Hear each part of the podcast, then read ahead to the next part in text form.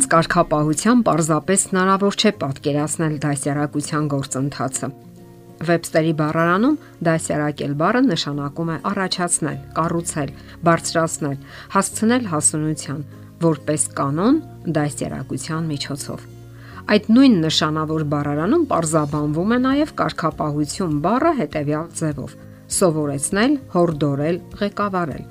Ընթոնված է այն կարծիքը, թե կարգապահությունը ենթադրում է պատժել երեխային։ Սա իհարկե ճիշտ չէ։ Շատ նշանավոր մասնագետներ այն կարծիքին են, որ կարգապահությունը ոչ թե պատժամիջոց է, այլ այն ճիշտ ճանապարհը, որով հարկավոր է գնալ։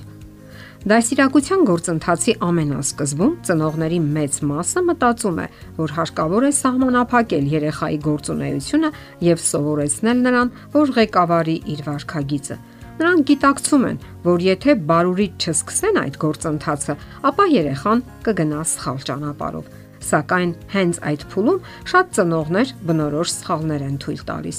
Սկսելով երեխայի դասյարակության գործընթացը, նրանք անմիջապես կպցնում են վատ կամ անտանելի պիտակը այն դեպքում, երբ փոքրիկը իրականում բոլորովին էլ վատը չէ։ Ընդհանրապես կարգապահությանը նույնպես կարելի է ընտելացնել սիրո միջոցով Շատերն ասում են, որ դա թուլության նշան է, սակայն սերը թուլության նշան չէ։ Կյանքը մեզ բազում հնարավորություններ է ներկայացնում երեխաներին մեղմ ու համբերատար ձևով դաստիարակելու։ Հիշենք, որ նրանք նույնպես պայքարում են իրենց ներքին հիմնախնդիրների եւ բարդ իրավիճակների դեմ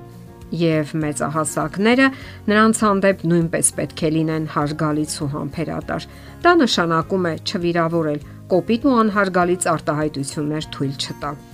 Քննարկենք այսպիսի իրավիճակ։ Մայրը ուժեղ գլխացավով պարկած է եւ ցանկանում է հանգստանալ։ Երեխան հանկարծ շրխկացնում է դուռը։ Այստեղ մայրը շտապում է նրան անվանել վատ տղա կամ այլ պիտակներ է կպցնում։ Իրականում պատճառն այն է, որ երեխան ավելորդ շարժունակություն ունի։ Բավական հաճախ ծնողներն ու ուսուցիչները երեխային համարում են անտանելի կամ զզվելի, քանի որ նրանք հիմնախնդիրներ են ստեղծում մեծահասակների համար։ Սակայն դա բոլորովին էլ չի նշանակում, թե երեխան վատն է։ Անընդհատ խոսելով երեխայի վատ վարքագծի մասին, մեծահասակները կարող են հասնել նրան, որ նա սկսի իրեն նույնացնել վատ արարքների հետ եւ այսпիսով բացասական կարծիք կազմի իր մասին։ Դասիրակության գործընթացում ծնողական բարկությունը, գրգռվածությունը եւ հիասթափությունը ուժեղացնում են երեխայի այն կարծիքը, թե իբր մեծահասակները պատժում են իրեն, որովհետեւ չեն սիրում։ Հաճախ երեխան իր վարքագծով անհարմարություններ է պատճառում եւ ստիպում ավելորտ աշխատանք կատարել, դժվարացնելով առանց այն էլ ծանր ծնողական բեռը։ Երեխան իրեն համարում է ոչ թե օրհնություն, այլ հոգս։ Ծնողներն իհարկե այս դեպքում կարող են չարանալ։ Մայրը գուցեև պատժի երեխային, բայց ոչ վիրավորանքներով եւ ցավ պատճառելով։ Եվ մի մոռացեք, երեխան պատժելու արդյունքում ոչ թե ընկճված ու ոչնչացված պետք է զգա, այլ գիտակցի իր մեղքը, իր արարքի տգեղությունը։ Պարզապես շատ կարևոր է, որ այդ ամենի արդյունքում երեխան հարգանք զգա իր հանդեպ։ Այդ դեպքում նույնիսկ պատիժները չեն վնասի երեխայի անձի հանդեպ ունեցած հարգանքը։ Նա կզղջա կատարած սխալի համար, սակայն նաև վստահ կլինի, որ իրեն կհաջողվի վերացնել բնավորության տվյալ թերությունը։ Մյուս կողմից, եթե ծնողները երեխային պատժելով չեն հարգում նրան, ապա նա հաճախ հուսահատության մեջ է հայտնվում եւ վախենում է ոչ միայն պատժից, այլ իրեն ոչնչություն է զգում։ Երեխան ոչ մի դեպքում չպետք է կորցնի հարգանքը իր հանդեպ, եթե անգամ պատժում են։ Պատկերացրեք այսպիսի իրավիճակ։ Երեխան Երեխան ծեծում է իր եղբորը կամ քրոջը։ Մայրը դա տեսնելով կոպտորեն բռնում է երեխային եւ սկսում բարկացած բարերի հեղեղ թափել նրա վրա։ Ինչպես կարող ես այդպես վարվել։ Միթե ես քեզ սովորեցրել եմ կռվել։ Ես կստիպեմ քեզ մոռանալ, թե ինչ է կռիվը, ապա պատրաստվում է հարվածել վախեցած երեխային։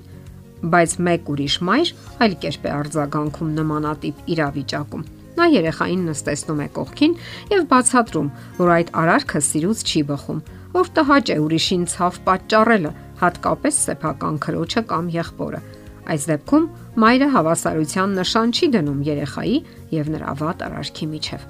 Կռվելը վատ բան է, սակայն դա չի նշանակում, թե երեխան է վատը Մայրը անպայման պետք է պահպանի երեխայի ինքնահարգանքը, սակայն դատապարտի նրա վատ արարքը։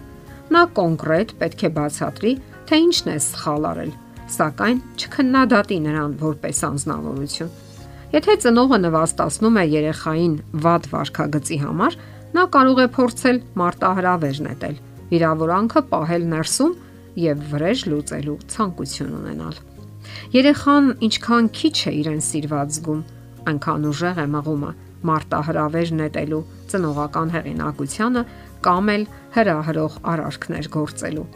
Երբ դուք լավագույն ձևով եք բավարարում ինքնահարգանքի երեխայի հիմնական պահանջը, դասիրակելով նրան, ապա նա պակաս հրահրող կլինի։ Յուրաքանչյուր ծնող թող հիշի, որ մանկությունը լույս է հրաշք է, որ երբեք հետ չի դառնում, սակայն շատ մեծ ազդեցություն է գործում երեխայի ողջ ներաշխարի, ինչպես նաև աշխարհայացքի վրա։ Լցրեք նրանց աշխարհը սիրով ու բարությամբ եւ երբեք չեք ափսոսա դրա համար։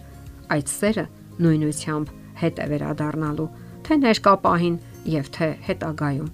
Անաղարտ պահեք նրանց ոսկեղենիկ մանկությունը, կոպիտ վերաբերմունքից եւ անհարկի վիրավորանքներից։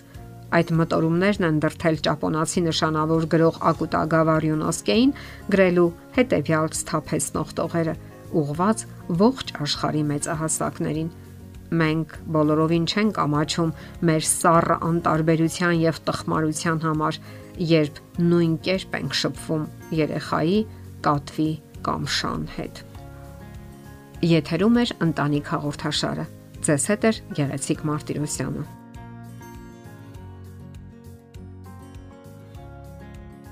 Հարցերի եւ առաջարկությունների դեպքում զանգահարեք 094 08 2093 հեռախոսահամարով։ Հետևեք մեզ hopmedia.am հասցեով։